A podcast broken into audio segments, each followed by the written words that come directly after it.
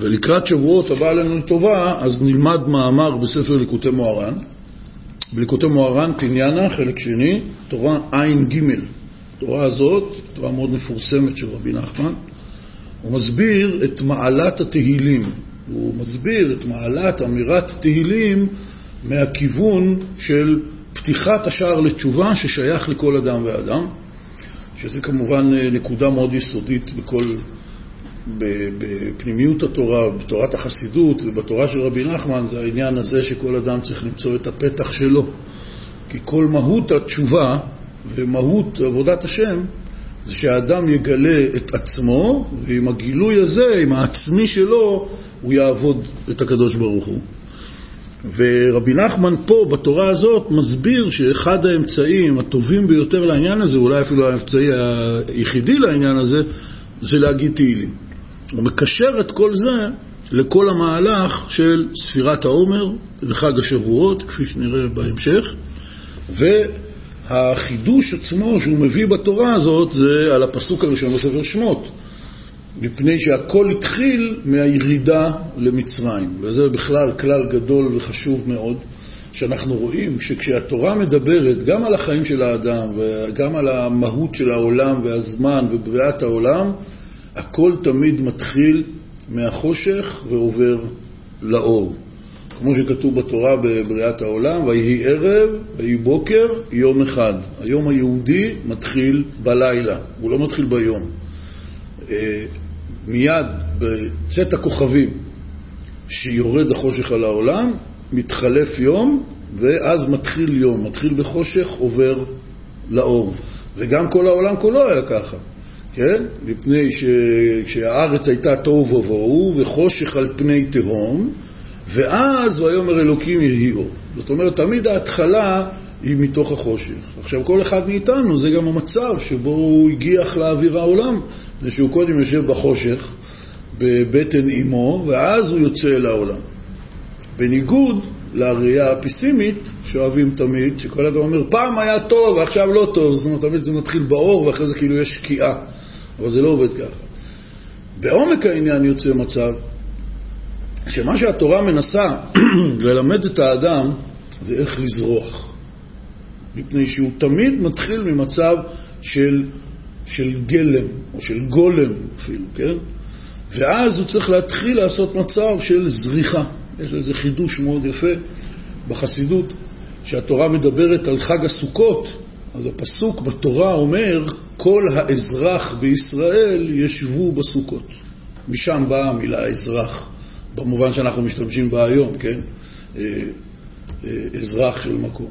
ועשו מזה פועל, להתאזרח וכן הלאה, אבל המקור של זה זה מהמילה הזאת בתורה. כל האזרח בישראל ישובו סוכות. ויש חידוש שקראתי פעם באיזה ספר חסידות, לא זוכר איפה, שאומר שזה כל המהות של האדם. המהות של היהודי זה להיות אזרח. אזרח במובן הפשוט, שהמילה אזרח פירושה I will shine, כן?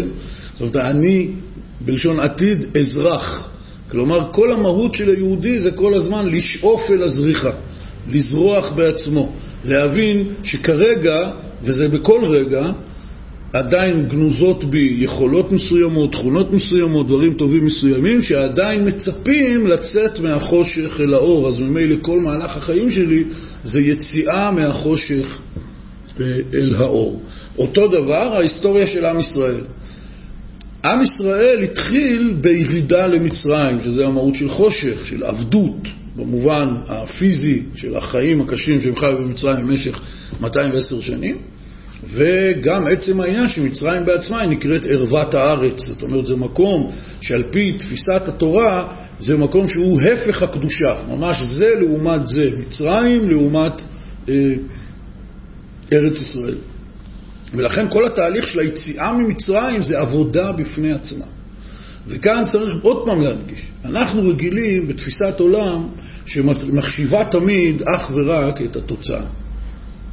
והתהליך לקראת התוצאה הוא במקרה הטוב אה, עול נסבל, במקרה הגרוע כובד הדרך גורם לאדם להתייאש מללכת. הוא אומר, אין לי כוח כבר לכל העליות והנפילות, ומתי נגיע, והוא מתחיל לפקפק בכלל באפשרות שיהיה סוף טוב לדרך, ואז ממילא הוא אומר, עזוב, חוזר חזרה. והנקודה פה, שעצם הירידה למצרים והיציאה ממצרים הוא תהליך בפני עצמו שהוא חשוב לא פחות מאשר ההישג בסוף, וזו נקודה מאוד מאוד אה, עמוקה, מפני שמה שהקדוש ברוך הוא רוצה מהאדם זה לא את ההישגים, הוא לא רוצה ממנו את ההצלחה, הוא לא צריך בשביל זה את האדם, מפני שבשביל זה יש לקדוש ברוך הוא מלאכים, שהם מושלמים, והאדם לא אמור לחקות את המלאכים. נשמת האדם, על פי התורה, היא יותר גבוהה בהרבה מהמלאכים. מדוע? מפני שהם שלמים ומושלמים ואין להם אפשרות אפילו לא לקיים את רצון הבורא, אבל עיקר מעלת האדם על המלאכים זה שיש לו כוח בחירה. מתי כוח הבחירה בא לידי ביטוי? הוא בא לידי ביטוי בקשיים. הקשיים והירידות הם חלק בלתי נפרד מהעניין, ובמובן מסוים זה אפילו עיקר העניין. וכמו שבחסידות יש על זה הרבה סיפורים ועניינים, אבל יש סיפור מפורסם על תלמיד של החוזה מלובלין, שבא בתלונות לחוזה מלובלין, אמר לו שהוא כל מה שהוא מצליח, מנסה, סליחה, בעבודת השם, הוא לא מצליח. וכל הזמן יש לו נפילות וירידות ומניעות פנימיות וחיצוניות, והוא לא מצליח, כמו שאומרים, לתפקד כמו שצריך.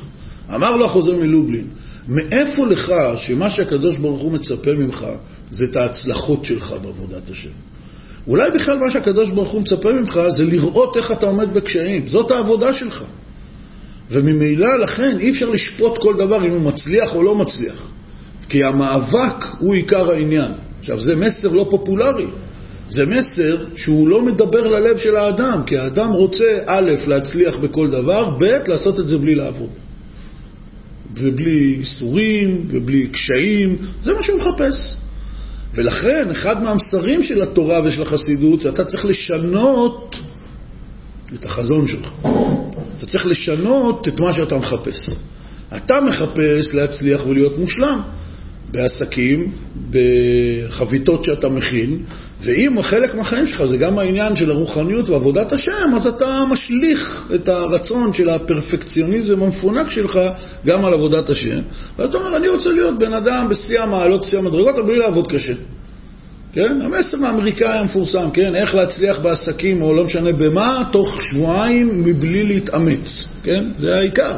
העיקר זה בלי להתאמץ, כי המאמץ הוא דבר מיותר. והתורה והחסידות מנסים לשנות את החזון של האדם באופן כזה שהוא יבין שעיקר המשמעות של חייו עלי האדמות זה להוכיח את עצמו במאבק, בהתאמצות. ומילא העיקר זה ההתאמצות ולא ההצלחה. וזה נושא עמוק. אותו דבר כאן, כשעם ישראל ככלל, וזה לא סתם אירוע היסטורי, כמו שדיברנו הרבה פעמים, של הירידה למצרים, גלות מצרים, היציאה ממצרים, מתן תורה והכניסה לארץ ישראל, אלא זה בעצם כל התהליך הזה, שבפרשיות השבוע אנחנו קוראים אותו מספר שמות והלאה, ובמועד שבשנה אנחנו מציינים אותו בדיוק בימים האלה ממש, כן, בספירת העומר שעומדת להסתיים תוך כמה ימים, שמחג הפסח ועד שבועות, זה השיא השיאים של התהליך. מה עשו בספירת העומר, כפי שדיברנו כמה פעמים פה ושם? ספירת העומר זה 49 ימים שמוקדשים להוציא את המצרים שבתוכנו. כמו שהפתגם אומר בכל מיני וריאציות, קל מאוד אולי להוציא את עם ישראל ממצרים, אבל הרבה יותר קשה להוציא את מצרים מעם ישראל, כפי שאנחנו רואים בתורה. שהיו בהם געגועים לגלות הקשה הזאת, אמרו למשה רבנו, זכרנו את השומים והבצלים אשר אכלנו במצרים. והם אומרים, ניתנה ראש ונשובה מצרימה. ורש"י מפרש שם, תסתכלו בחומש, ראש, הוא אומר, עבודה זרה. ניתנה ראש, נשים לנו ראש, עד היום יש לנו ראש, משה רבנו, שלוקח אותנו החוצה ממצרים. אז בואו נמנה לנו ראש חדש ונחזור למצרים. זה הכוונה, ניתנה ראש ונשוב במצרים. איזה ראש זה יכול להיות? האלוקים הרי הביע את רצונו שהם יצאו ממצרים. אז אם הם רוצים לשים לעצמם ראש חדש שיחזיר אותם למצרים, זה פירוש עבודה זרה, דבר שהוא הפך האלוהות, כן? והנקודה הזאת, שכל ספירת העומר היא מוקדשת להוצאת המצרים שבנפש. זה, זה הנקודה. ולצאת מ-50 שערי טומאה, מה שמכונה ביהדות, ולעלות ל-50 שערי קדושה. ספירת העומר הוא זמן של 49 ימים, וכמו שאמרנו בזמנו, על פי הקבלה זה זמן עליון מאוד לנפש, יותר גבוה מאשר עשרת ימי תשובה, ראש השנה ויום כיפור, לצורך העבודה, וגם ניתנו הרבה ימים, זה זמן ארוך וכו'. ואז יוצא הזמן של ציון וקבלת האור בכל שנה של ההיחלצות ממצרים הפיזית זה לילה אחד, ליל הסדר. הזמן לציין את מתן תורה, תכלית יציאת מצרים, זה יום אחד, חג השבועות. אבל הזמן של הטיפול ביציאה ממצרים באופן הפנימי זה 49 ימים. לכן, שוב, וזה הרעיון שאנחנו אומרים פה, שאני אומר שוב, ככל שנפנים אותו יותר, זה הדרך שהאדם משנה את החיים שלו. ויש על זה כל מיני שיטות ודרכים, וגם לא ביהדות. ההכרה בעניין הזה, שתהליך העיבוד העצמי, שבו אני מתנאבק בקשיים, נופל לפעמים, מקבל סתירות, זה לא אה, עול בלתי רצוי אך הכרחי. זה ה-core business שלי. בזה בוחנים אותי, זה מה שקיבלתי, אלה החיים. החיים זה תהליך של מאבקים, תהליכים של יציאה מחושך לאור, תהליכים של לידה, כפי שאתם זוכרים, דיברנו בזמנו על פרשת שמות, דיברנו על המושג הזה של להיוולד מחדש. לידה זה תהליך אה, לא יפה, שהוא מלווה בכאבים וכל מיני דברים, זה לא תהליך חלק כזה, כן? זה כמו כאשר מצלמים היום בסרטים, מצלמים נביטה של פרח, כן? מצלמים את התהליך לאט לאט, ואז מראים את זה בשוט אחד, ואז אתה רואה כאילו הזרע באדמה, ואז אתה רואה מתחיל לבצבץ איזה נבט, ואז הוא נובט וצומח, צומח, צומח, ופתאום נהיה צמח נורא יפה. ותמיד שמים גם מוזיקה ככה יפה של סרט טבע, זה נראה כל כך יפה. אבל הרי זה בכלל לא מה שקורה באמת, זאת אשליה. באמת היו צריכים לצלם מה עובר על הזרע בתוך האדמה, ומה שעובר על הזרע בתוך האדמה זה שואה. ריקבון, מבולי מים, תולעים, לא יודע מה, זה עולם שלם.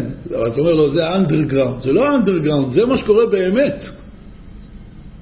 התוצאה זה שיוצא כזה דבר. אותו דבר כשאתה רואה ילד חמוד, או אדם מבוגר חמוד, אז אתה אומר, תראה איזה יופי, תראה מה נולד. כן, אבל תהליך הלידה בעצמו, תהליך הלידה מעצמו עד כדי כך שחז"ל אומרים שמה שהתורה חייבה כל יולדת להביא קורבן לבית המקדש, וזה קורבן של הפרת נדרים. אומרים חז"ל מדוע? כי כל אישה כשהיא יולדת, אז היא נודרת בליבה שיותר היא לא מוכנה לעבור את זה. כך זה גם ברוחניות. התהליך של הלידה הוא תהליך קשה, אבל זה בעצם החיים. כי מפני שבכל יום האדם גם נולד מחדש וגם מת מחדש. מפני שיש כל כך הרבה תחומים בחיים של האדם, ואפילו אם בתחום מסוים הוא הצליח לעמוד במאבק, הצליח להוציא את עצמו מכוח על הפועל, הצליח להגשים איזה חלום, הצליח לעמוד באיזה אתגר, בסדר, אבל עוד אין רגע נתון בחיים של האדם, גם אם יחיה עד גיל 100, שאין לו עוד רשימה ענקית של אתגרים שעדיין לא מומשו, ושל דברים שעדיין הוא לא התחיל לטפל בהם, כן? אין לזה סוף. בכל התחומים האפשריים, שלא לדבר על הדבר המתסכל ביותר, שגם כאשר אתה מצליח להגיע למשהו, אחרי זה יש לך את ה... שאתה הולך כמה צעדים אחורה. זאת אומרת, הצלחת לעמוד בדברים הרבה פעמים, ופתאום אתה מקבל את הספירת לחי. אחד היסודות המרכזיים בתורת עבודת הבורא, שזה בעצם תורת החיים של היהדות, שרבי נחמן הדגיש מאוד את הנקודה הזאת בתורה שלו, ולכן היא מאוד פופולרית היום, זה אומנות ההתחזקות, מה שמכונה בברסלב. ההתחזקות במובן הזה, מפני שכל צעד אחורה, כל אי עמידה בניסיון, כל אי עמידה באתגר, זה מחליש מאוד את האדם. אז עכשיו באים לחזק אותו, להמשיך לעמוד. כל התהליך הזה, השורש שלו, וממילא גם הוא המודל שממנו יכולים ללמוד, זה הירידה של עם ישראל לגלות מצרים, היציאה ממצרים בדרך נס, בהבזק אור ענק של ט"ו בניסן, שפתאום יצאו, והמצרים טבעו בים והכל, אבל אז 49 יום של לימוד איך אני מוציא את המצרים בתוכי. כאן רואים את זה. רבי נחמן בא בתורה הזאת, תורה ע"ג בליקוטי מורן טיליאנה, ומדבר על הפסוק הראשון, ואלה שמות בני ישראל הבאים מצרימה את יעקב איש וביתו. על זה הוא מדבר. הוא אומר, מסביר לנו כמה וכמה מהלכים חשובים בעניין. אומר רבי נחמן, מי שרוצה לזכות לתשובה, יהיה רגיל באמירת תהילים. כי אמירת תהילים מסוגל לתשובה. אז הנושא של התורה הזאת זה תשובה. וכבר נגיד שמיד בהמשך, רבי נחמן מדבר כאן על תשובה במובן של הפסוק שהקדוש ברוך הוא אומר לעם ישראל, שובו אליי ואשובה עליכם. אנחנו תופסים את המובן הזה של שובו אליי במובן של תשובה, אז יש הרבה אנשים שהתדמית שלהם, מה זה נקרא תשובה?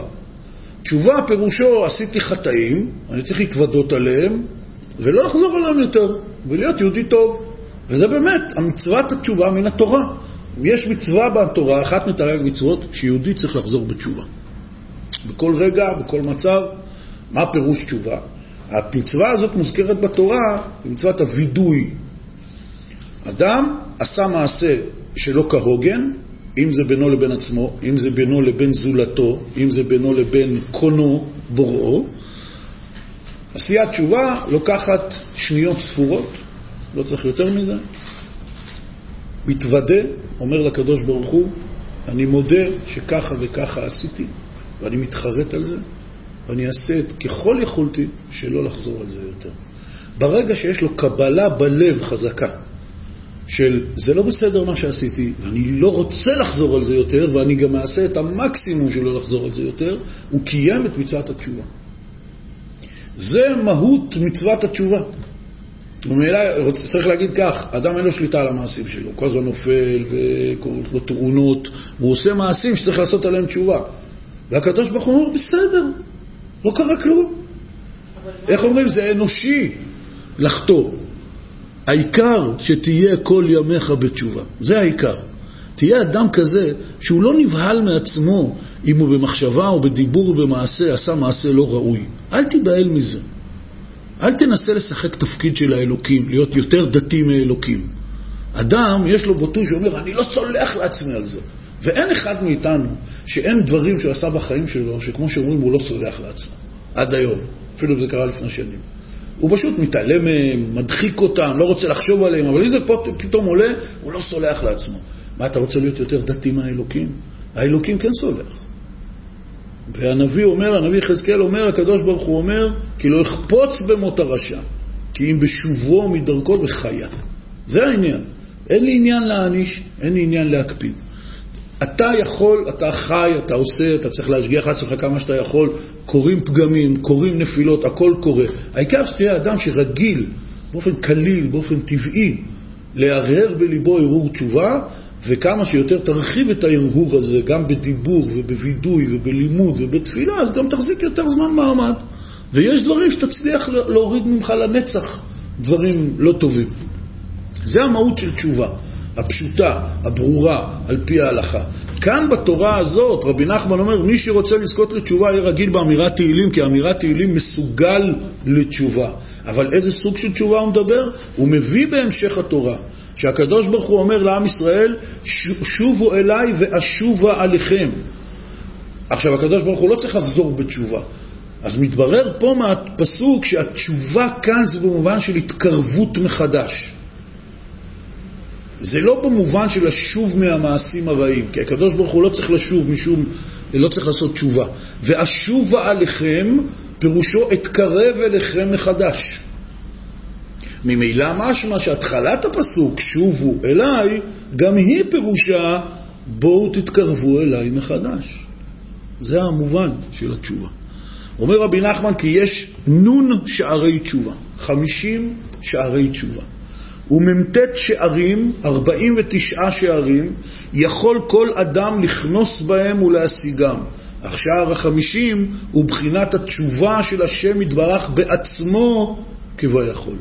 כי גם אצלו יתברך מצינו בחינת תשובה, כמו שכתוב בנביא מלאכי בפרק ג', שובו אליי ואשובו עליכם, שהקדוש ברוך הוא אומר דרך הנביא לעם ישראל.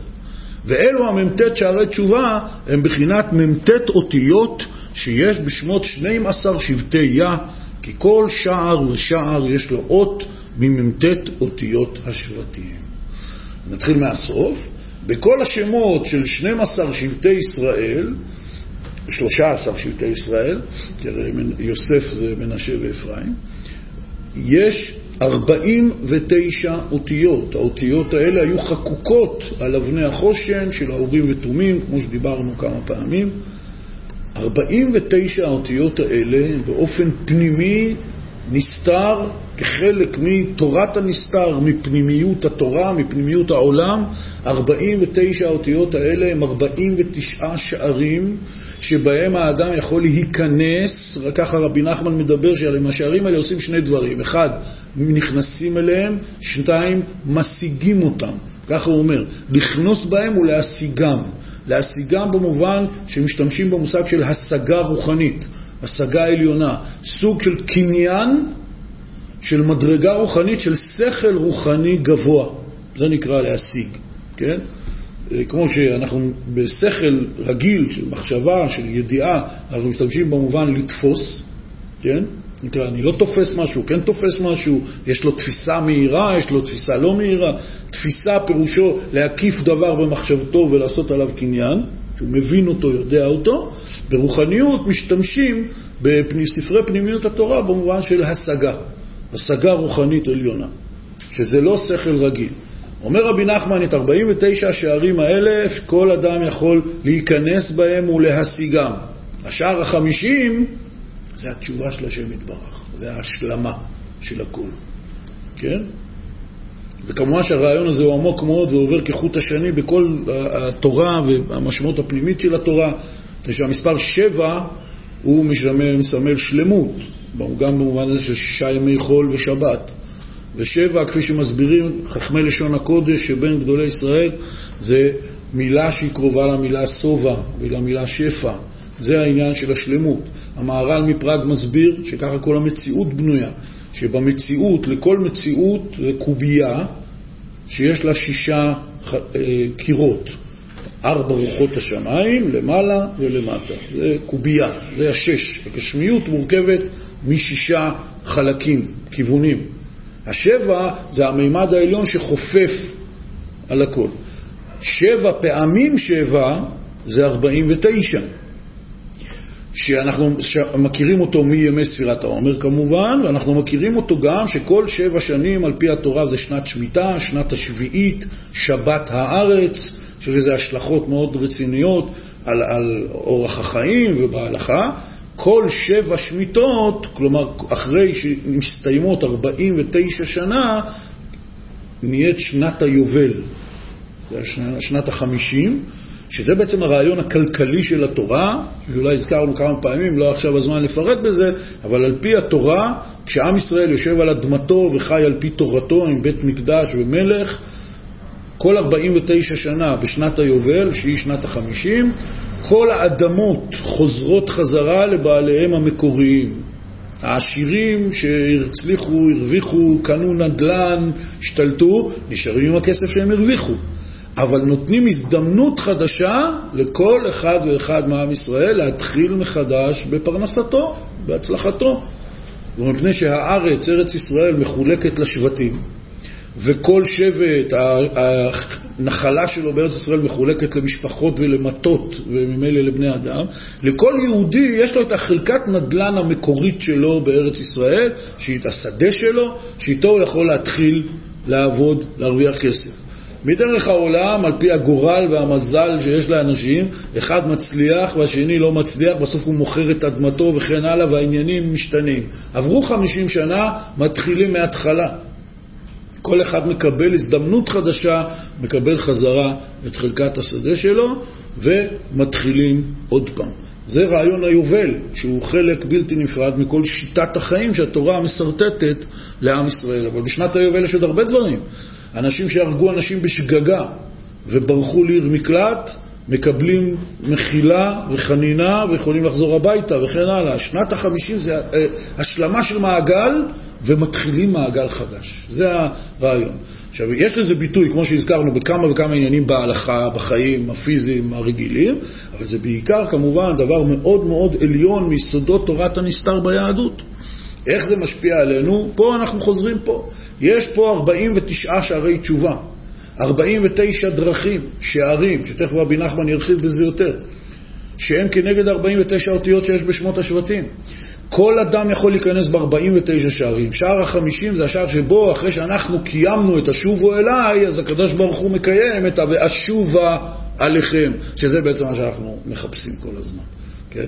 כשאנחנו מדברים על מובן שאדם מחפש שמחה, אדם מחפש שלווה, אדם מחפש הצלחה, במילים של היהדות, בלקסיקון של היהדות, פירושו שהקדוש ברוך הוא יאיר את פניו אליי, יופיע בחיי ויחזור אליי. כי כרגע, כל עוד אני בעצבות או בחושך או בחוסר הצלחה או בכישלון, זה מצב שאני מרגיש שיש נתק ביני לבין הקדוש ברוך הוא, מפני שהקדוש ברוך הוא, האינסוף ברוך הוא, הוא בעצמו ההצלחה, הוא בעצמו השמחה, הוא בעצמו השלווה, הוא בעצמו העושר. ולכן כאשר אדם מחפש כל מיני דברים טובים כאלה, הוא בעצם בפנימיותו מחפש את הקדוש ברוך הוא. רק הוא הלביש על הקדוש ברוך הוא תחפושת של מין אלוקים דתי כזה. אז אתה אומר, אני רק רוצה שלוות הנפש. אתה אומר, לא, אתה מחפש את אלוקים. הוא אומר, לא, לא, לא, עזוב, נו, עזוב. זה עוד עניין. זה לא עוד עניין, זה העניין. הקדוש ברוך הוא מבחינתנו, ההופעה, הזריחה של האלוהות בתוך ליבו של כל אדם, וזה עובר על כל אדם בעולם, בלי שום הבדל דת, גזע או מין, ברגע שאתה מרגיש שמחה או שלווה או עושר, זאת ההופעה של השכינה, של האלוהות בתוך לבך. זה מה שהאלוקים. האלוקים הוא הטוב הזה שאתה מרגיש, רק זה מתלבש בכל מיני צורות. ממילא מה שאני מחפש, אני מחפש, ריבונו של עולם, תסתכל עליי, תתבונן עליי, תחזור לי לחיים. זה שער החמישי, זה הבחינה שלה, ואשובה אליי, אבל לצערנו הרב, הקדוש ברוך הוא שם לזה תנאי. הוא אומר, שובו אליי ואשובה עליכם. אז יש פה, זה דיל כזה, כן? אבל גם כאן, מה פירוש העניין? תכף רבי נחמן יסביר את זה. אני צריך להיכנס בשער הזה. תשובה זה לא מה שב... שיש אלמנט כזה ביהדות, שבדתות אחרות עשו אותו הרבה, אז אני קיבל תמונה של תשובה, זה ללבוש שק ולצום ולדפוק על החזה ולהגיד, אשמתי, בגדתי, גזלתי. זה חלק מהעניין, הווידוי. אבל עיקר העניין של התשובה, כמו שבאשובה אליכם, פירושו שהקדוש ברוך הוא יחזור ויתקרב אלינו ויאיר אלינו את פניו, זה פירוש העניין של התשובה של האדם, שאני מתקרב מחדש לקדוש ברוך הוא ומאיר אליו את פניי. כי כרגע אור הפנים שלי מופנה לכל מיני שטויות והבלים אחרים, ולהתחיל להסתכל, כמו שאומרים, על העיקר, לתפוס את העיקר האמיתי, במה אני ממוקד. כמו שחזון במובן של איזה יעד או תורת חיים או משהו שאני חי בשבילו. חזון זה בא מלשון מחזה, מלשון ראייה, פירושו לאן אני מסתכל. וכמו שבלועזית, חזון, באנגלית נקרא vision, שזה גם כן בא מהמושג הזה של ויזואלי, לאן אני מסתכל, זה פירוש חזון. איפה, לאן המבט שלי ממוקד? אז אדם שהולך בדרך, הוא מסתכל כל הזמן על היעד. לפעמים הוא יושב לנוח, הוא הולך לשתות מים, אוכל, הוא לא כל הזמן באמת מסתכל ביד, אבל בעיקרון לשם המבט מופנה. אז זה העניין של שנה את החזון שלך, שנה את ההסתכלות שלך, תהיה ממוקד בי, אומר הקדוש ברוך הוא, ואז אני אהיה ממוקד בך. זה נקרא שובו אליי ואשובה עליכם. במובן הזה יש גם תשובה של בין אדם לחברו. כאשר יש זוג חברים, או, או, או, או אה, בעל ואישה, או הורים וילדים, יש גם כן מצב לפעמים של התרחקות, שהמבט כבר לא מופנה אליו. חיים איתו, עושים כל מה שצריך, עומדים בכל המחויבויות, אבל באמת הוא לא ממוקד בו. ואז האדם שמרגיש שכבר לא ממוקדים בו, הוא בעצם היה רוצה, ואם הוא אומר, הוא אומר, תחזור בתשובה. לאן? שובה אליי. תחזור אליי. תעשה תשובה במובן שתשוב אליי חזרה. וכמו שביחסים שבין האדם לבוראו ולאמונתו, אז יש עליות ונפילות ותקופות של חושך, תקופות שמסיטים את המבט, לפעמים סובבים לגמרי את הראש ומסתכלים לכיוון השני, וכן הלאה. ככה זה גם בין בני אדם. זה דבר טבעי. לא צריך להיבהל מזה. עיקר העניין זה להיות ממוקד במהלך של תשובה, שעל זה רבי נחמן מדבר פה. אדם צריך להיות, לזכות לתשובה, להיות אדם ששב כל הזמן. שב לאן? אל המקום האמיתי. אל המקור, אל השורש. לא שוכח את העיקר, כן? וזאת עיקר הבעיה של אנשים, רבי נחמן חוזר על זה במכתבים שלו דווקא כמה פעמים על הביטוי הזה, שעיקר הבעיה של האדם, וממילא עיקר התורה של רבי נחמן זה איך לפתור את זה, זה לא לעשות מטפל עיקר. לא לשכוח את העיקר. וזה עיקר הבעיה שלנו.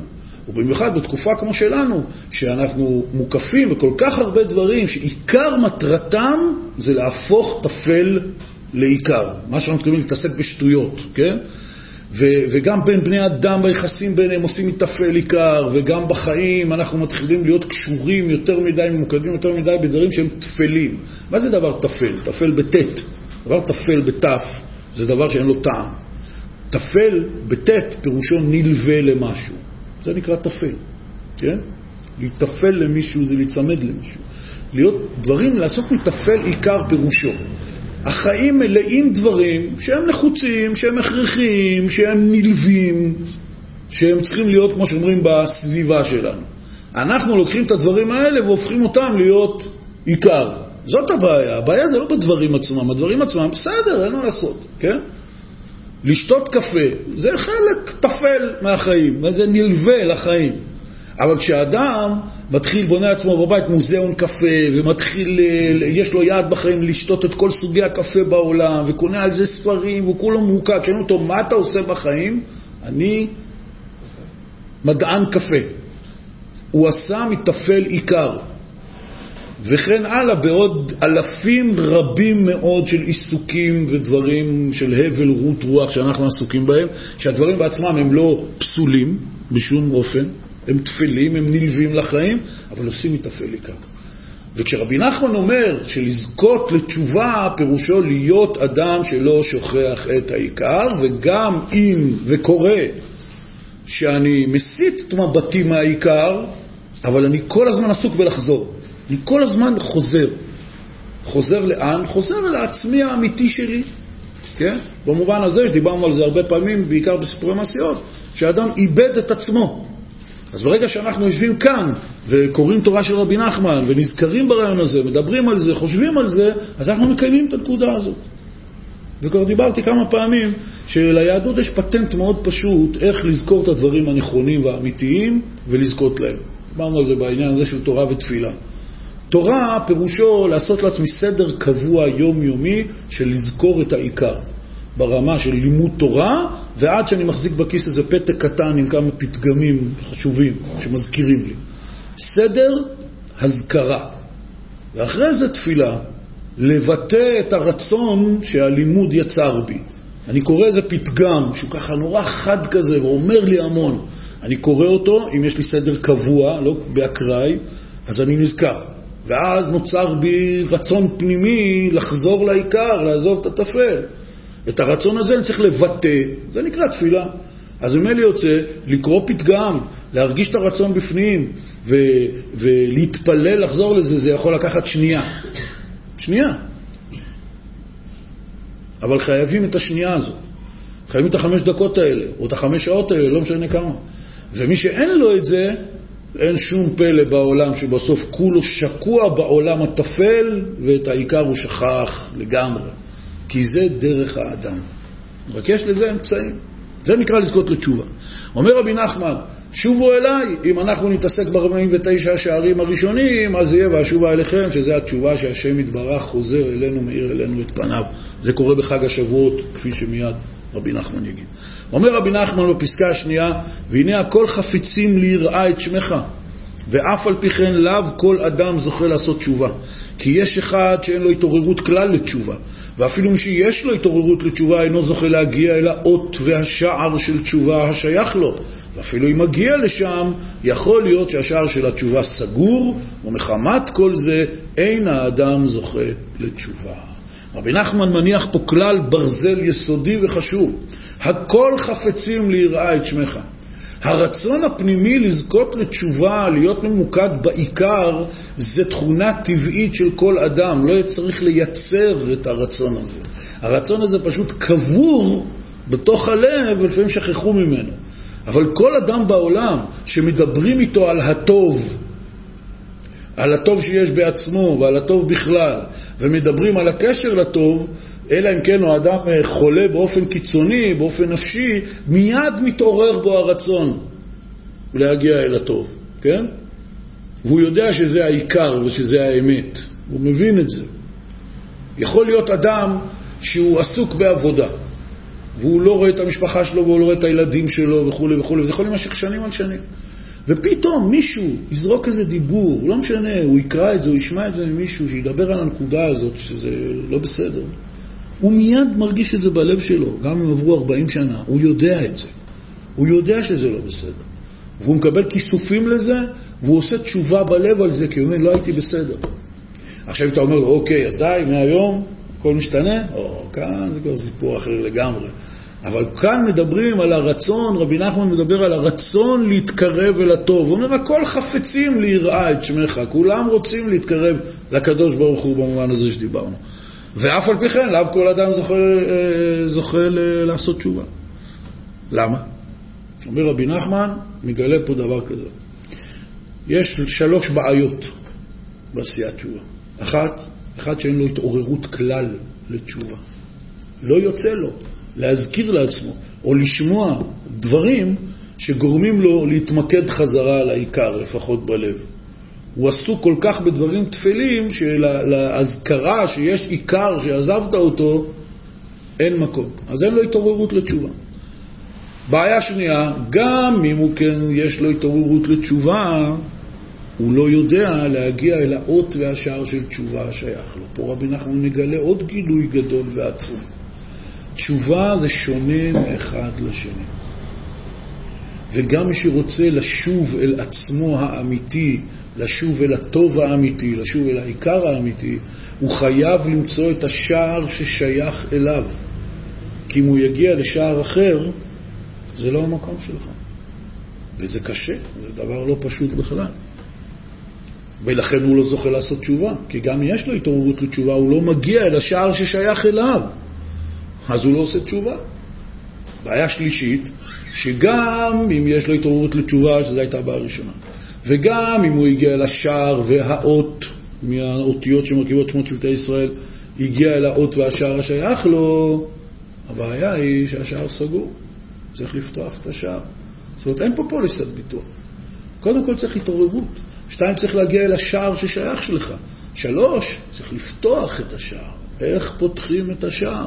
אז יש פה שלוש בעיות, שבמובן הכי הכי פנימי, הכי הכי אמיתי, הכי עמוק, של איך להיות אני בעצמי, איך להוציא מעצמי לכוח אל הפועל, איך להגיע אל הייעוד והתפקיד שלי בחיים. רבי נחמן מדבר פה על העניין הכי חשוב שיש בחיים של כל אדם.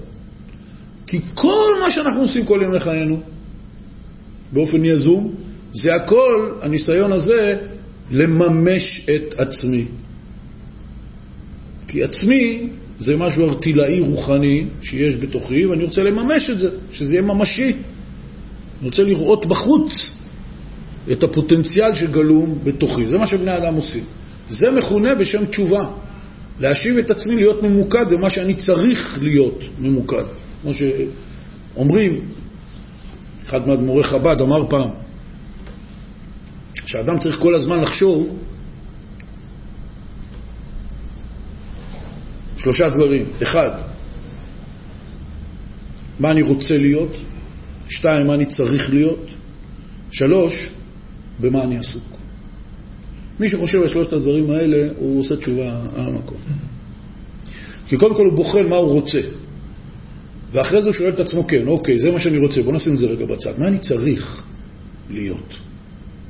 זה בדרך כלל לא זה למה שאני רוצה להיות.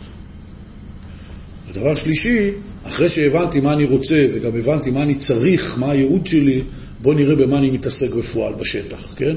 כי אז יוצא מצב שכאשר אני מבטא בשיחה או כותב לעצמי את כל הדברים שאני רוצה באמת בחיים, ואת כל הדברים שאני יודע שאני צריך בחיים. אחרי זה אני גם עושה רשימה של מה תכלס בפועל, על מה אני מבזבז את הזמן של החיים שלי, מה אני עושה, כמעט אין שום קשר בין שתי הרשימות. והדבר הכי מצחיק בסוף, שבסופו של אותו של סדנה קטנה כזאת שאדם עושה לעצמו, שמישהו אחר עושה לו, הוא אומר, נו, ועכשיו מה עיקר הבעיה שלך? כל הזמן טענה, לא הולך לי, לא מצליח לי, למה אני לא מגיע למה שאני רוצה להגיע, כן? אתה לא מגיע למה שאתה רוצה להגיע, כי בוא תסתכל כמה זמן אתה מקדיש לזה וכמה זמן, זה, זה כלום, אתה בעצם לא מתעסק בזה, אתה מתעסק בשטויות אחרות כל הזמן. זה הנקודה, ואז צריך להתמקד מחדש, כן? אז המובן הזה של להתמקד מחדש, רבי נחמן פה מפרק את זה, אומר צריך קודם כל התעוררות לתשובה. צריך לייצר את ההתעוררות הזאת, היא לא תבוא לבד. דבר שני, צריך למצוא את השער והאות שקשורה, ששייכת אליך. זה גם זה לא יבוא לבד, צריך איזה אמצעי בשביל לכוון את עצמי לשער שמתאים לי. דבר שלישי, השער הזה צריך להיפתח, זה לא קורה לבד, צריך לפתוח אותו. צריך התעוררות, צריך הכוונה וצריך פתיחה. ולכן, בגלל שצריך את שלושת הדברים האלה, אומר רבי נחמן, לא כל אדם זוכה לעשות תשובה. לא זוכים להגיע למיקוד האמיתי בעיקר, שזה הסוד לחיים נכונים, נכונים במובן של לעשות את הדבר הנכון, לעשות את הדבר האמיתי, ולחיים מוצלחים ומאושרים, שזה עוד, איך אומרים, by-product, מוצר נלווה. מי שחי את החיים שלו בצורה הנכונה והאמיתית, אז הוא גם זוכה לסיפוק, לשלוות הנפש, וממילא לאושר ושמחה והרגשה טובה. אז צריך את שלושת הדברים האלה בשביל להגיע לזה. אומר רבי נחמן, ועל ידי אמירת תהילים, אפילו מי שאין לו שום התעוררות לתשובה, הוא מתעורר לעשות תשובה. וגם זוכה על ידי תהילים להגיע אל השער והאות השייך לו ולפתוח השער. נמצא שזוכה על ידי תהילים לעשות תשובה. תהילים פותר את שלוש, שלוש הבעיות. בעיה ראשונה, הוא מייצר אצל כל אדם התעוררות לתשובה. דבר שני, הוא מביא את האדם אל השער השייך לו. דבר שלישי, זה גם פותח את השערים. יש פה נקודה שזה מעניין, רואים פה שרבי נחמן אומר על ידי מילים, על ידי אותיות, אפשר להגיע לכל מה שצריך להגיע בחיים. א', הוא הרי הסביר לנו שלכל אדם יש שער ואות ששייכת לו. מה זה הסוד המיסטי הזה, שיש 49 אותיות בשמות שבטי ישראל, ולכל אדם יש את האות ששייכת לו שצריך להגיע אליה. מה, מה הכוונה? אז מה הכוונה מבחינה פנימית אמיתית אני לא יודע, זה צריך בשביל זה השגות רוחניות. אבל במובן היותר לימודי, עיוני פה, זה פשוט מאוד. הם אבותינו, זה השורש שלנו. השמות של כל השבטים ניתנו על ידי יעקב ורחל או לאה או על ידי, כן, על ידי השגות עליונות. השמות האלה זה מה שאנחנו כולנו. אנחנו נקראים בשם עם ישראל. ישראל זה גם כן שם, שם של מי? של יעקב. ישראל הוליד תולדות. התולדות האלה הם השבטים. הם השור שלנו במובן הכי עמוק, הכי מיסטי, הכי פנימי, הכי נסתר. והם אבותינו, לשם אנחנו מרגישים שייכות. וממילא השייכות הזאת זה לא איזה מין דגל גדול, לאומי כזה, דרמטי, בומבסטי, לא. אותיות שהיו חקוקות על אבני החושן, שהיו מאירות כאשר הקדוש ברוך הוא היה שולח מסרים, כן, בהתגלות של האורים ותומים, האותיות האלה לכל אחד ואחד מאיתנו, בתוך השייכות הגדולה הזאת, מה שמכונה במרכאות לאומית, עיקר העיקרים זה השייכות האישית שלי לשורש שלי, בבית שלי. כמו שכל אחד מאיתנו יש לו את הבית שבו הוא גדל, כן? ויש מושג של לחזור הביתה, כן? הבית שגדלתי בו. מה? בסופו של דבר, לכל אחד מאיתנו הבית הזה מורכב מכל מיני דברים קטנים כאלה, כן? מה שקוראים פיצ'פקס כאלה, כן? שהוא זוכר את ה... אני יודע, את הקומקום שהיה במטבח, או את התמונה שהייתה תלויה בפינת אוכל, או שהוא אהב איזה כרית שהייתה בסלון, כן? או בחדר שלו, כל מיני דברים קטנים מאוד מאוד. שם השורש שלי, כן? השורש שלי זה לא בכתובת של הבית שההורים שלי גרו כשהייתי ילד. כן? זה לא מעניין אותי. מה שמעניין אותי זה הדברים הקטנים, האישיים האלה, והרבה אנשים לפעמים מנסים לחזור אל השורש שלהם בילדות או בנערות, לכל מיני מקומות, וכשהם באים הם מתאכזבים, כי זה לא עושה להם את זה, עוד פעם, כן? פה אנחנו מדברים על הדבר הכי אמיתי והכי עמוק בנשמה, במובן של שורש הנשמה, והוא האותיות של שמות שבטי ישראל. וגם הדרך להגיע, להתעורר ללכת אל השער שלי, כי אנחנו מבינים פה, זה דבר שצריך לשים לב, שרבי נחמן מדבר פה, לא כולם זוכים לעשות תשובה א', כי אין לו התעוררות לתשובה שתיים, הוא מגיע לשער שלו, הוא לא יודע להגיע אליו, שלוש, הוא מגיע כבר, השער סגור. מתברר שהתעוררות לעשות תשובה, פירושו התעוררות להגיע אל השער. ואז הולכים אל השער, ואז אני לא יודע איפה השער שלי. ואז אם כבר הגעתי לשער שלי, אני צריך לפתוח אותו. יוצא שהתעוררות לתשובה, פירושו ללכת לחפש את השער שלי. רק אני לא יודע איפה הוא. אז זו הבעיה השנייה. ואפילו אם אני אמצא אותו, אני צריך לפתוח אותו. רבי נחמן אומר, תהילים זה הפתרון. עוד פעם, מה, מה העניין? יש ספר תהילים. דוד המלך כתב את ספר תהילים. זה ספר התפילות והמזמורים הפרטי של ספר תהילים. הספר הזה זכה להצלחה פנומנלית באנושות. הוא בעצם ספר השירים והמזמורים הכי נפוץ באנושות, הכי מתורגם, הכי נקרא, הכי הכל. אין יותר מזה, כלום. שום דבר שאנחנו מכירים לא דומה לזה. הקלאסיקות, הכי נקראות, הכי נדפסות, הכי נמכרות, זה לא מתחיל להתקרב. אבל לא רק במובן הזה.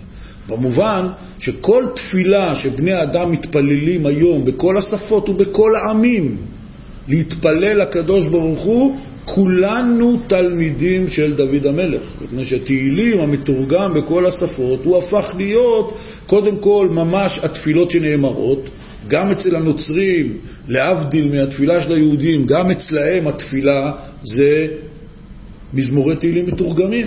דוד המלך הוא המורה לתפילה של כל האנושות.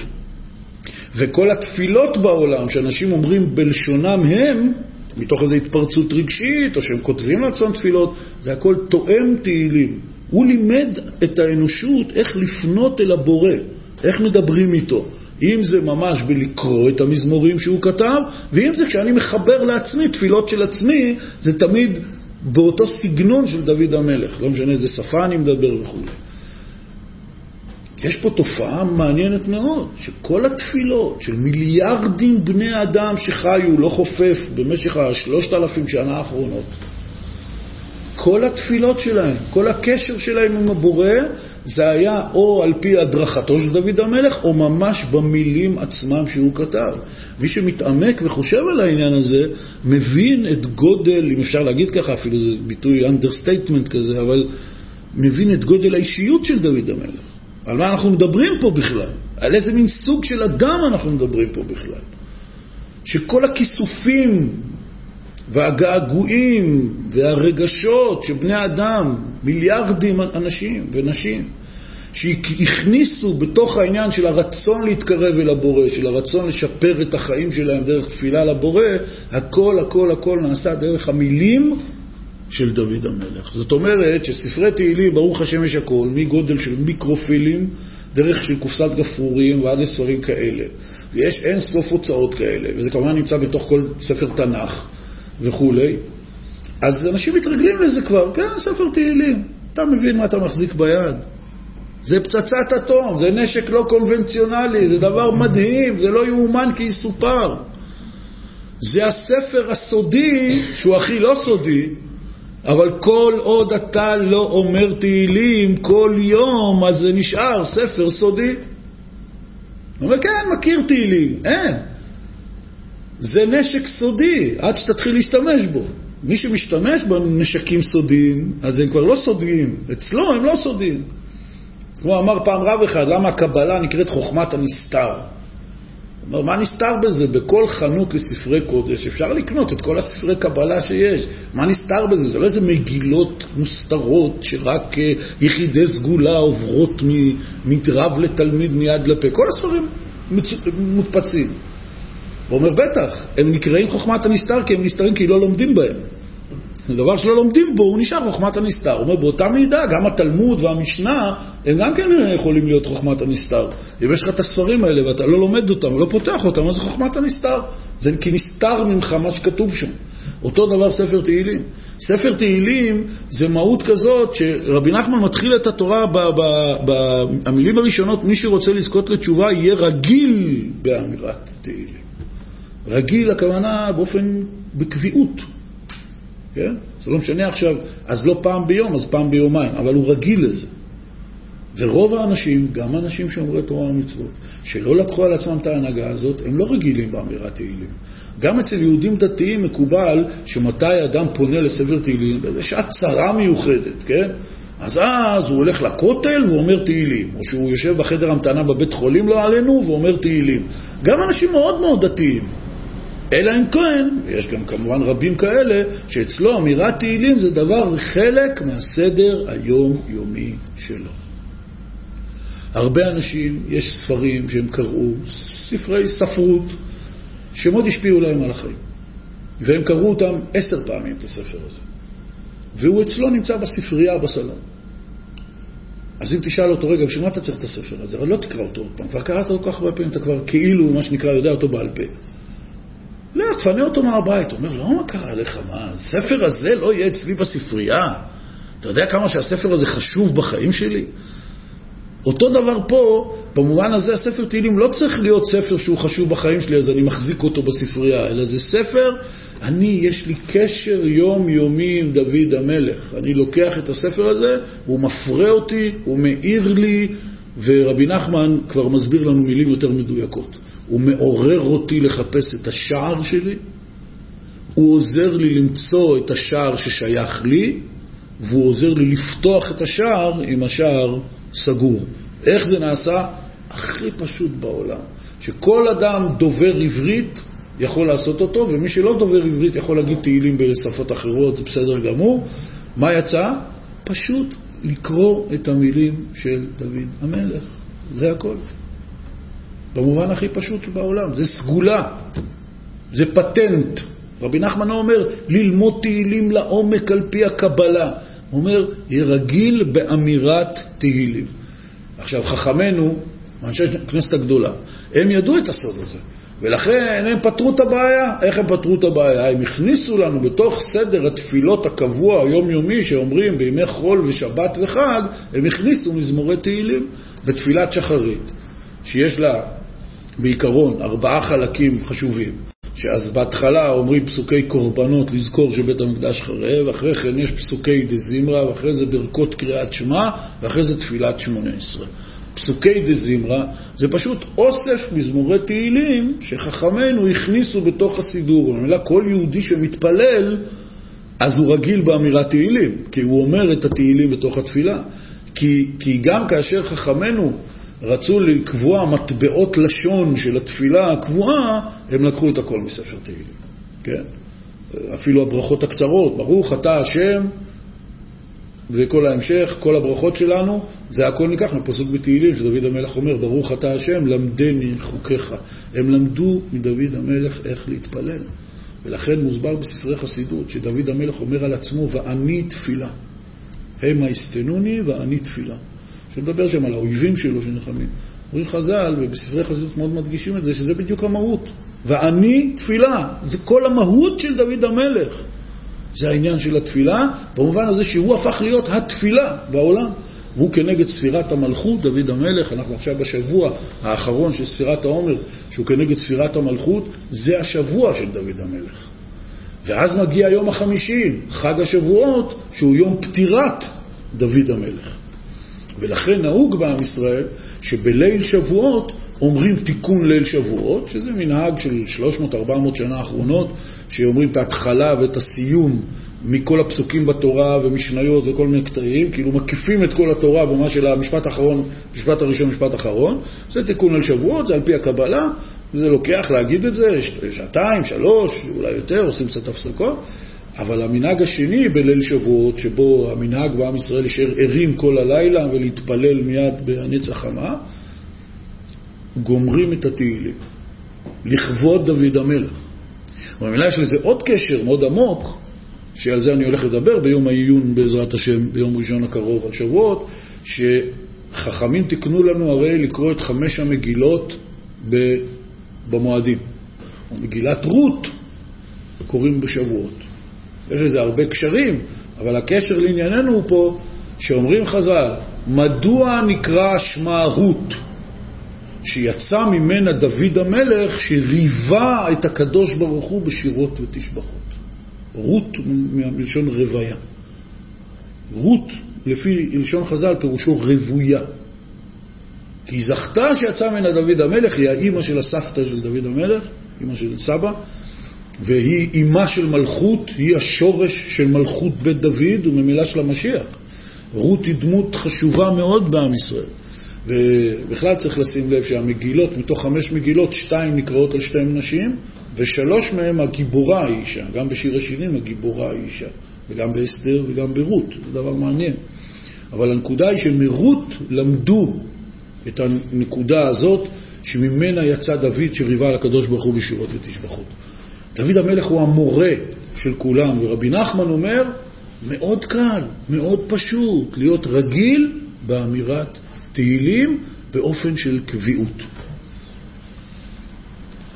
ממשיך רבי נחמן ואומר, וזה בחינת מה שכתוב בספר שמואל ב', נאום הגבר הוקם על. מי אומר את זה? דוד המלך. זה מזמור שדוד המלך אומר, שמופיע בספר שמואל. אומר דוד המלך, נאום הגבר הוקם על ונעים זמירות ישראל. ודרשו רבותינו, מה זה נאום הגבר הוקם על? דרשו רבותינו ז"ל בתלמוד שהקים עולה של תשובה. הוקם על, אומרים חז"ל, דורשים את המילים הוקם על, הקים עולה של תשובה. מה הכוונה? הוא יסד את התשובה בעולם. זה הכוונה. דוד המלך לימד את האדם לא להיבהל מהחושך ותמיד לשאוף לאור. תמיד לזכור את העיקר ולא לתת לכל מה שעובר עליך בחיים, ועל דוד המלך עבר הרבה בחיים, לכל ספר תהילים. רובו זה מזמורים שדוד המלך אומר מתוך מצב של מועקה, או מועקה פנימית, נפשית, רוחנית, במובן הקשר שלו עם הקדוש ברוך הוא, או מועקה חיצונית של אויבים, מלחמות, צרות ובעיות. זה ספר של אדם שצועק מתוך מועקה ומחפש את האור, את הישועה, את ההתקרבות של הקדוש ברוך הוא. כי זה, פירוש תשובה, כמו שהסברנו. ולכן דוד המלך, הוא יסד את התשובה, הוא הקים עולה של תשובה. ונעים זמירות ישראל, ממשיך שם הפסוק, כי על ידי בחינת נעים זמירות ישראל, דהיינו ספר תהילים שיסד, על ידי זה הוקם עולה של תשובה. ספר תהילים זה זמירות ישראל, ומכאן למדנו עוד דבר נפלא ומעניין מאוד. ספר תהילים זה ספר שכתוב מתוך מצב של מועקה, הרבה הרבה הרבה מזמורים. בספר תהילים יש הרבה סוגים של מזמורים, אבל המזמורים האישיים המפורסמים של דוד המלך זה מתוך מצב של מועקה. מה הוא עשה בשעת מועקה? הוא שר בבית המקדש הראשון והשני. במשך מאות שנים. בית המקדש הראשון והשני עמדו עם הפסקה של 70 שנה, במשך 800 שנה היה לנו בית מקדש מתפקד. מה עשו בבית המקדש? אדם שהיה מגיע לבית המקדש, היה נכרי, אם אולי היה כהן שעובד בבית המקדש, רוב עם ישראל, הנשים היו נכנסות לעזרת נשים, והגברים היו נכנסים לעזרת גברים, מה שנקרא עזרת ישראל. מה הוא היה רואה? הוא היה רואה עבודת הקרבת קורבנות וקטורת וכולי וכל מה שכתוב בתורה. אבל עיקר מה הייתה החוויה? שזה בדרך כלל תמיד שוכחים, שעל כל קורבן וקורבן ועל כל עבודה ועבודה בבית המקדש, הלוויים היו עומדים שרים ומנגנים בכלי נגינה. שרים, זה היה שירים שהיה להם לחנים ומילים. המילים, מזמורי תהילים, הלחנים, מה שעבר בעם ישראל ודוד המלך בעצמו כנראה היה גם מלחין, כן? הוא היה רואה מקהלות, להקות של לוויים, עומדים עם כלי נגינה רבים שונים ומשונים, שחלק מהם יש לנו עליהם מידע, איך הם נראו, מה הם היו, ופשוט עומדים ומנגנים ושרים. על פי ההלכה, קורבן או עבודה בבית המקדש שלא שרו עליה את השיר שלה, פסולה. צריך לעשות מההתחלה. היו שרים. ספר תהילים זה ספר של שירים.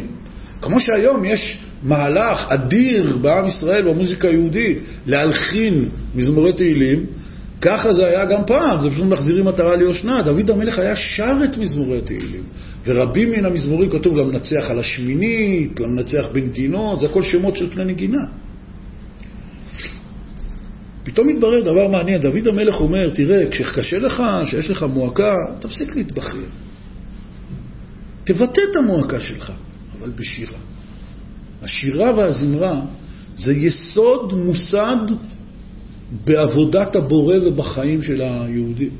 זה לא עוד איזה משהו נלווה, בידור כזה, תרבות, לא, זה חלק בלתי נפרד מהעניין. דוד המלך אומר, תתחיל לשיר, ואנחנו מכירים את זה.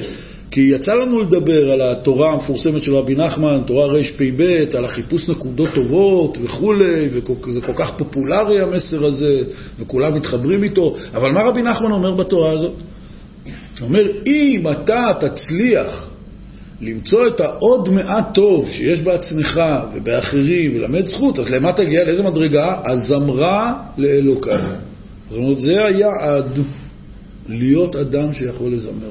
כמו שאמרתי כמה פעמים, שככה נראה לי, זו בדיקה טובה, אם אדם רוצה לבדוק אם הוא כרגע בשמחה, הוא פשוט יראה אם הוא יכול להתחיל לשיר בלי שום הכנות, כן? או לרקוד, אם בא לו. כי אדם שהוא לא בשמחה, אפילו יצוו עליו לשיר, הוא לא מסוגל לשיר, והוא לא מסוגל לרקוד. אבל אדם שמסוגל לשיר ולזמר ולרקד, שזה עוד עניין, שגם דוד המלך לימד את כל העולם, במובן הזה שהוא העלה את ארון הברית מאיפה שהוא היה לשילה, למקומו, אז הוא היה מפזז ומחרקר ורוקד לפני ארון הקודש. אשתו מיכל, זה מאוד לא מצא חן בעיניה, אתה לא מתאים למלך. אמרה לו, מה זה? איך אתה מתנהג? אתה מבזה את עצמך? אמר לה, עוד לא התחלתי לבזות את עצמי. לכבוד השם יתברך, כן, מחרקר ומפזז ולבוש אפוד בד.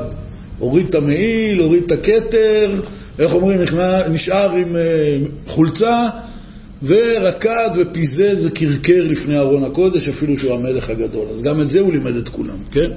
אבל במובן הזה דוד המלך אומר, מתוך המועקה אתה צריך לשיר. גם את המועקות צריך לשיר. גם מזמורים בתהילים שיש בהם מילים כבדות. אלי, אלי, למה עזבתני, רחוק מישועתי, דברי שאגתי, קשה לי. זה גם נקרא מזמור. זה מזמור תהילים. ונעים זמירות ישראל, אומר רבי נחמן, על ידי הזמירות, דהיינו ספר תהילים שיסד, הוקם עולה של תשובה. כי על ידי תהילים זוכרים לתשובה. וזה מה שאמרו רבותינו, זיכרונם לברכה, לא היה דוד ראוי לאותו מעשה, אלא כדי להורות תשובה ליחיד וכולו. מעשה? כן, מעשה בת שבע. למה זה קרה לו? זה קרה לו, אומרים חז"ל, כדי שהוא ילמד את כל האנושות איך אדם יחיד, פרטי, עשה מעשה מסוים, לא ניכנס לפרטים, משהו פה לא היה בסדר. הוא לימד את כולם איך לחזור בתשובה. וזה במזמור נ"א בתהילים, זה המזמור שהוא אמר, ושם, משם לומדים את כל יסודות התשובה. נמצא שעיקר הוראת התשובה על ידי דוד המלך. מה זה עיקר הוראת התשובה? הוא המורה לתשובה. הוא המורה של כל האנושות לתשובה. ועיקר התשובה של דוד המלך הוא ספר תהילים, שאמרו בהתעוררות גדול מאוד וברוח הקודש, עד שכל אחד ואחד, כפי מה שהוא יכול למצוא את עצמו בתוך ספר תהילים ולזכות לתשובה על ידי מאמירת תהילים. כל אחד ואחד, כפי משהו, אומר רבי נחמן, כל אחד עם העניין שלו, עם הבחינה שלו. יכול בהחלט למצוא את עצמו בתוך ספר תהילים, וזה עיקר מטרת אמירת התהילים. ובשיחה נוספת של רבי נחמן, שביעה בספר שיחות הר"ן, הוא אומר שככה צריך להגיד תהילים. כשאתה אומר תהילים, תגיד את זה על עצמך. אז בא אחד לרבי נחמן ואמר לו, דוד המלך היה מלך, נלחם מלחמות, יש מלא מזמורים שהוא מדבר על האויבים שלו וכל מיני דברים. אמר לו, אני אין לי אויבים, אני לא נלחם. אמר לו, רבי נחמן, תכוון על האויבים מבפנים. מה, אתה לא במצור? אתה לא מותקף? יש אדם שלא מרגיש לפעמים בחיים שלו שהוא במצור, שהוא מותקף, אז תגיד את זה על זה. אבל אומר רבי נחמן, עיקר אמירת תהילים זה מה שאתה אומר את התהילים על עצמך. זה, זה העניין. וכל אחד, כפי מה שהוא, יכול למצוא את עצמו בתוך ספר תהילים ולזכות לתשובה על ידי אמירת תהילים. עכשיו רבי נחמן פונה אל העניין של 12 שבטי ישראל שהיו בגלות מצרים, יצאו ממצרים, הכינו את עצמם בספירת העומר למתן תורה וזכו לשבועות. כי כמו שאמרנו, 49 שערי תשובה הם 49 אותיות שיש בשמות שבטי ישראל. כדי להגיע אל השערים האלה, וגם שהם יהיו פתוחים, זה על ידי אמירת תהילים. אבל אנחנו, העיקר העיקרי, מה היעד שלנו? להגיע אל השער של תשובה ששייך כל אחד, מה ששייך לו, ולפתוח אותו. והשלוש בעיות שרבי נחמן דיבר, אלה שלוש הבעיות שיש לכל אחד. או שהוא מרגיש מת מבפנים בלי שום התעוררות להגיע אל הטוב, או שהוא לא יודע איפה הטוב ששייך אליו באופן פרטי, או שהוא כבר חושב שהוא כן יודע, ואפילו חושב שהוא הגיע, אומר, לא יודע, אבל זה, זה לא נפתח. אז ממילא לכל אחד ואחד, אלה בדיוק הבעיות שלו. אז התהילים זה האמצעי. להגיע אל האות ואל השער, זה היעד. זאת המטרה. אומר רבי נחמן, עיקר הזדככות 12 שבטי יה, שהם מ"ט אותיות, שהם מבחינת מ"ט שערי תשובה, היה במצרים, שהוא בחינת מיצר הגרון, שהוא בחינת תשובה עילאה, תשובה עליונה, כמובא בכתבי האריזה, על פי תורת הקבלה. מצרים זה נקרא מיצר הגרון, ושם זה נקרא תשובה עילאה, וכדי להגיע לתשובה היו צריכים לרדת למיצר הגרון, לרדת למצרים, זה עיקר הזיכוך שלהם. היה צריך להיות שם. זיכוך במובן שהם מקבלים מכות, זיכוך במובן של עבודה קשה מאוד כדי להוציא את הזוהמה החוצה ולהיטהר ולהזדכך. ועל כן, אחרי שנזדככו שם במצרים, וזכו לצאת משם, ספרו מ"ט ימי הספירה, 49 ימים של ספירת העומר, שהם כנגד מ"ט שערי תשובה, 49 שערי תשובה, שהם מבחינת מ"ט אותיות הנ"ל, מ"ט אותיות שיש בשמות שבטיה. וביום החמישים, אנחנו סופרים בספירת העומר תשעה וארבעים יום. זה היום האחרון של ספירת העומר. למחרת בלילה כבר לא סופרים. אבל זה היום החמישים, שאליו ציפינו, אליו חיכינו, אליו שאפנו, הכל היה בדרך אל אותו יום. אל אותו יום החמישים, חג השבועות. יש פה נקודה מאוד חשובה. השם של חג שבועות מוכיח שהוא קשור לכל השבעה שבועות שהיו לפני זה. זה חג השבועות. כלומר, זה השיא של השבעה שבועות. זה לא חג שעומד בפני עצמו, אלא המשך ישיר. וממילא גם בתורה, בכל המועדים, כתוב בדיוק באיזה תאריך כל חג חל. כן? כשהתורה רוצה להגיד שראש השנה זה א' בתשרי, אז היא אומרת שביום הראשון לחודש השביעי, זה נקרא חודש תשרי. וכשרוצים להגיד שפסח זה בט"ו בניסן, כתוב בחמישה עשר יום לחודש הראשון. התורה נותנת תאריכים מתי החגים. על שבועות אין תאריך. שבועות תלוי בספירת העומר. הוא תמיד היום החמישים של ספירת העומר. אם כן יוצא, חג השבועות זה החגיגה המסיימת והיעד של מה? של השבועות. איזה שבועות? שבעת השבועות לפני כן. זה היום החמישים שמגיע רק בזכות ה-49 יום של הכנה מלפני. זה אחרי שמקיימים את השובו אליי, אז בשבועות מתקיים והשובה עליכם. וזה מה שאומר פה רבי נחמן. וביום החמישים, אז מה קורה? מה שכתוב בתורה, במתן תורה, וירד השם על הר סיני. זה בחינת ואשובה עליכם. בחינת התשובה של השם יתברך בעצמו כביכול, בחינת שער החמישי. אומר רבי נחמן, ובואו עכשיו נראה איך כל זה, אפשר למצוא את זה מרומז בפסוק הראשון של ספר שמות, שמתאר את הירידה למצרים, גלות מצרים, היציאה ממצרים, הספירה של השבעה שבועות ומתן תורה, שזה תכלית יציאת מצרים. זהו מה שכתוב, ואלה שמות בני ישראל הבאים מצרימה את יעקב, איש וביתו. זה התחלת ספר שמות, שעל שמו נקרא ספר שמות, ואלה שמות. סופי תיבות של הפסוק הזה הם אותיות, המילים, תהילים, תשובה. אלה האותיות האחרונות בכל הפסוק הראשון של ספר שמות. תהילים, תשובה.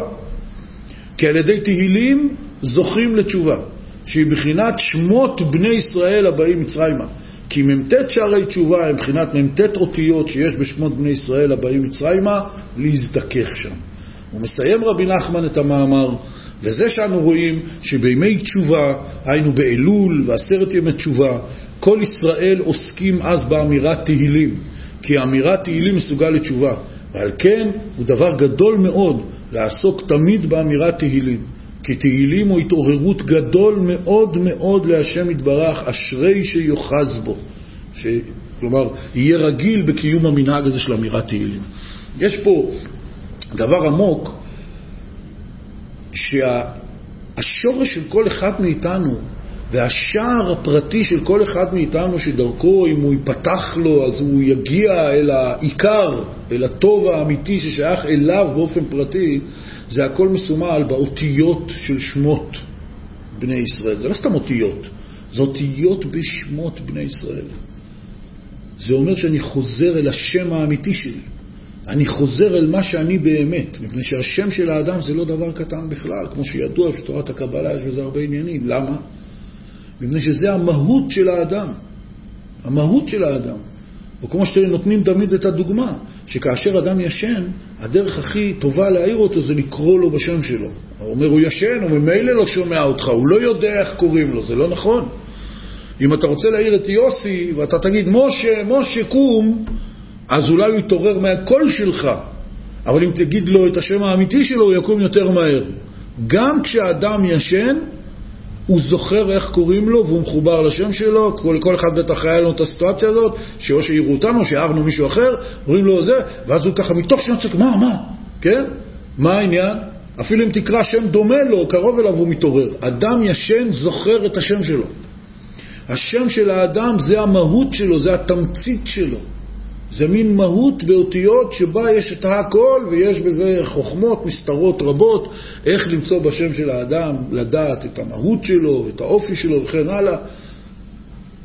הרעיון הוא פה שכשאנחנו מוצאים את האות השייכת לנו מתוך 49 אותיות שמרכיבות שמות שבטי ישראל, זה, זה, זה, זה סוג של מין מהות סמלית כזאת, שבעצם אני מוצא את המהות האמיתית של מי אני באמת. ורק כאשר אני אעשה את זה, הקדוש ברוך הוא ישוב אליי, יאיר עליי את שמש ההצלחה, את שמש השמחה, את אור השלווה. אני צריך לעשות משהו לפני זה. מה? אני צריך למצוא את עצמי, למצוא את השער שלי ולפתוח אותו ולהיכנס בו. וזה הנקודה פה במובן הזה שרבי נחמן דיבר עליו, שזאת המהות של כל התורה, מפני שהיום החמישים הזה זה יום מתן תורה. על החג הזה בתפילה חז"ל קוראים לו זמן מתן תורתנו. אנחנו קוראים לזה בז'רגון היהודי במשך השנים נהיה חג קבלת התורה, כי יש פה דיל, הקדוש ברוך הוא נותן, זה זמן מתן תורתנו. מה אני צריך לעשות? אני צריך לקבל. לא כל מי שנותן משהו, יש מישהו שמוכן לקבל גם. כדי להיות מקבל של התורה, עם כל מה שיש בה, שהיא אור הרצון האלוקי כפי שהוא מולבש במילים ואותיות בלשון בני אדם. כדי לזכות לקבל את מה שהקדוש ברוך הוא נותן, אני צריך לאמן את עצמי, או ללמד את עצמי להיות אדם שיכול לקבל. ואם אני בא לתת למישהו משהו בידו, אבל הוא בדיוק עסוק, הוא ספנה עליי את הגב, הוא מסתכל על משהו אחר, אז אה, אי אפשר לקבל. כדי לקבל צריך שהאדם יפנה אליי ויושיט את היד שלו. זה בעצם תשובה. אני מסיח את דעתי מכל הדברים התפילים שתפסו אותי, שהשתלטו עליי, שכבשו אותי, ואני חוזר אל העיקר, כמו שהסברנו, שזה הנקודה של תשובה, ושאותה אפשר לעשות בהרהור בכל רגע נתון, אבל בשביל לעשות אותה צריך להתעורר לעשות אותה.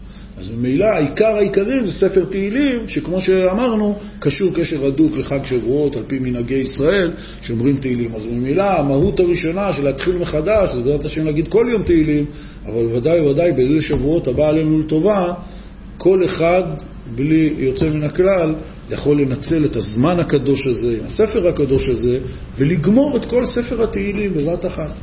זה לוקח באמירה נורמלית של אדם רגיל בין שעתיים וחצי לשלוש, זה לא הרבה זמן, אפשר באמצע לעשות הפסקות.